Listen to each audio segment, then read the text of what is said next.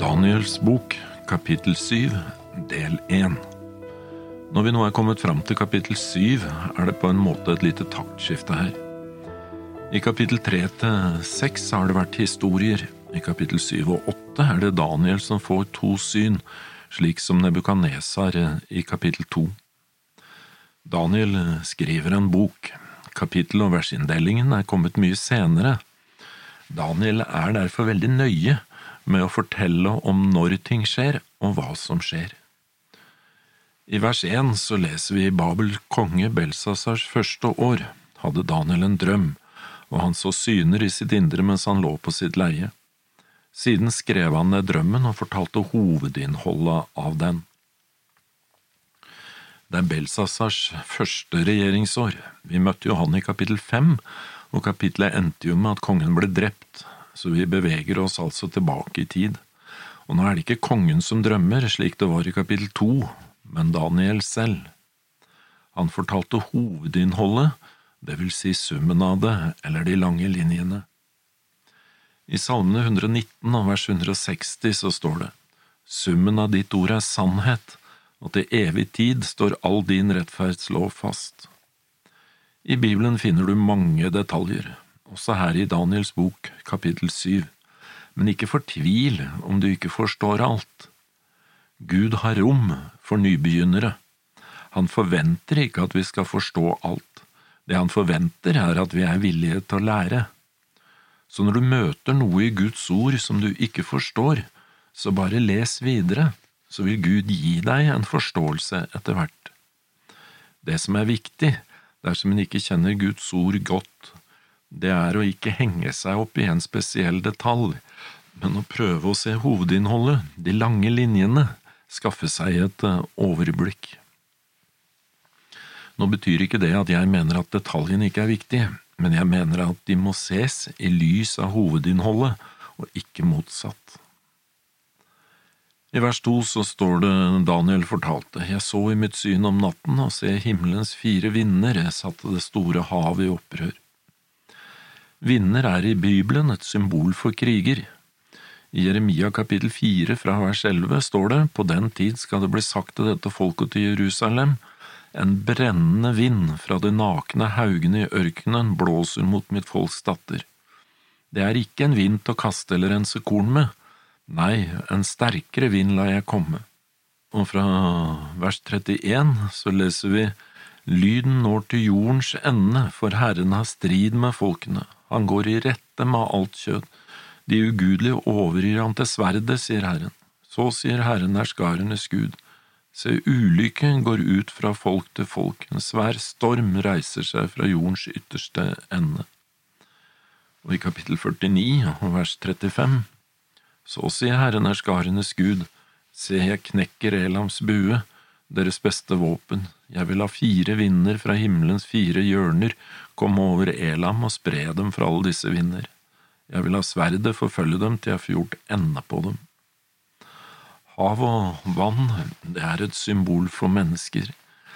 I Jesaja kapittel 17 og vers 12 så står det, Ved det bruser av mange folk, det bruser som havet, det larmer av folkeslag, det larmer som mektige vann larmer. Og i åpenbaringen kapittel 17 og vers 15 så står det ganske rett ut. Og han sa til meg, de vann som du så, der sjøhuggen sitter, er folk og skarer, nasjoner og tungemål. Daniel fortsetter i vers tre, og fire store dyr steg opp av havet, alle var de forskjellige fra hverandre. Vi behøver ikke å lure på hva dyrene symboliserer, for Daniel får i vers 17 en forklaring på det. Disse fire store dyrene, fire i tallet, er fire konger som skal oppstå i jorden. Så skal vi trekke sammen de tre første versene, så står det ganske enkelt at krigsvindene blåser, og ut av folkehavet så stiger det fire konger. I vers fire så står det at det første var likt en løve og hadde ørnevinger, og mens jeg så på, ble vingene revet av, og det ble løftet fra jorden og reist på to føtter som et menneske, og det fikk et menneskehjerte. Bildet som er brukt, en løve med ørnevinger, det er faktisk gravd fram ganske mange skulpturer som så slik ut i Babylon. Det symboliserte derfor det babylonske riket, og det var akkurat det samme som hodet av gull i Daniel kapittel to. Løven var sjefen blant dyrene på bakken, mens ørnen fremstilte kraften og makten i lufta. Men så ble vingene revet av, sto det. Det stoppet eh, litt opp for Babylon, det gikk ikke så fort lenger. Erobringslysten ble etter hvert borte, symbolisert ved at løven fikk et menneskehjerte. Med andre ord, de kulturelle interessene begynte å vokse fram og erstattet erobringslysten. I vers fem så står det om det andre dyret, og det var likt en bjørn og reiste seg på den ene siden. I gapet mellom tennene hadde den tre ribben, og det ble sagt til det, stå opp et mye kjøtt. Det babylonske riket falt i 539 før Kristus. Bjørnen symboliserte det medopersiske riket, det var det samme som brystet av sølv i Daniel kapittel 2. De tre ribbønnene i gapet symboliserte at de la under seg tre riker, det var Egypt og Syria og Lydia. De reiste seg på den ene siden, det symboliserte at amederne og perserne, som til å begynne med var i fellesskap, hadde overtatt makten etter babylonerne, var det perserne som var de sterkeste, de som dominerte. Vers seks, deretter så jeg i mitt syn et annet dyr som lignet en leopard. Det hadde fire fuglevinger på ryggen og fire hoder og fikk stor makt. Det persiske riket falt i år 331. Leoparden med fuglevinger symboliserte Grekenland, det samme som kobberriket i Daniel 2. Alexander den stores erobringer gikk veldig hurtig, så fort at han var lei seg når det ikke var noe mer av betydning å erobre. Det er jo veldig godt beskrevet her, da.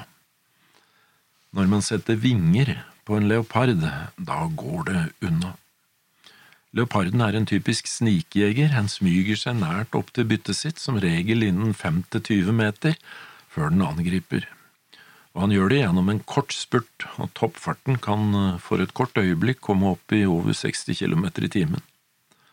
Den kan også hoppe over seks meter horisontalt og tre meter vertikalt. Om den skulle mislykkes med et direkte angrep, vil leoparden sjelden oppta forfølgelse av et byttedyr over mer enn 50 meter.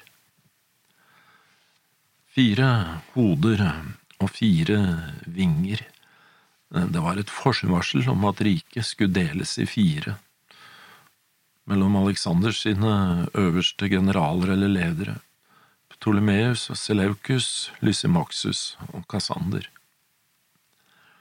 Vers syv så står det etter dette fikk jeg mine nattlige syner se et fjerde dyr, fryktelig og forferdelig og overmåte sterkt. Det hadde store tenner av jern og åt og knuste, og det som ble tilbake, tråkket det ned med føttene. Det var annerledes enn alle de dyrene som var før det, og det hadde ti horn.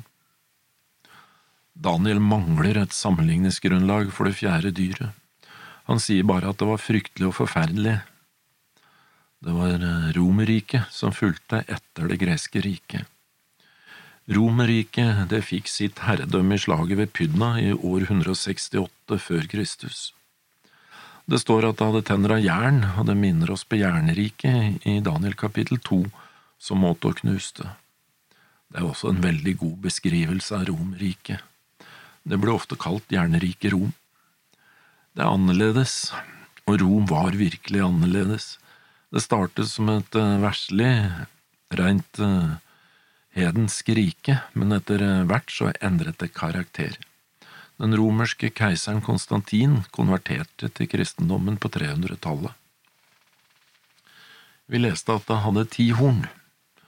Da Rom begynte å smuldre opp fra 351 til 476 etter Kristus, ble riket delt opp i ti kongeriker.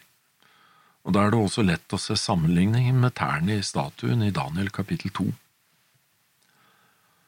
I vers 8 så står det Jeg ga nøye akt på hornene, da fikk jeg se et annet lite horn som skjøt opp mellom dem, og tre av de første hornene ble ykket opp for å gi plass til det. Og se, dette hornet hadde øyne som menneskeøyne og en munn som talte store ord. Draniel gransker hornene, han legger merke til et lite horn som vokser fram. Vi leste at det skjøt opp mellom de ti, så det lille hornet må komme etter 476 etter Kristus. Det er fremdeles eh, Romerriket, men nå rykkes tre av de ti opprinnelige hornene eller rikene opp for å gi plass til det lille hornet. De tre er eh, østgoterne og herulene og vandalene. Vi leste også at det lille hornet hadde øyne som et menneske. Hva kan nå det bety? Det skal vi se mer på neste gang.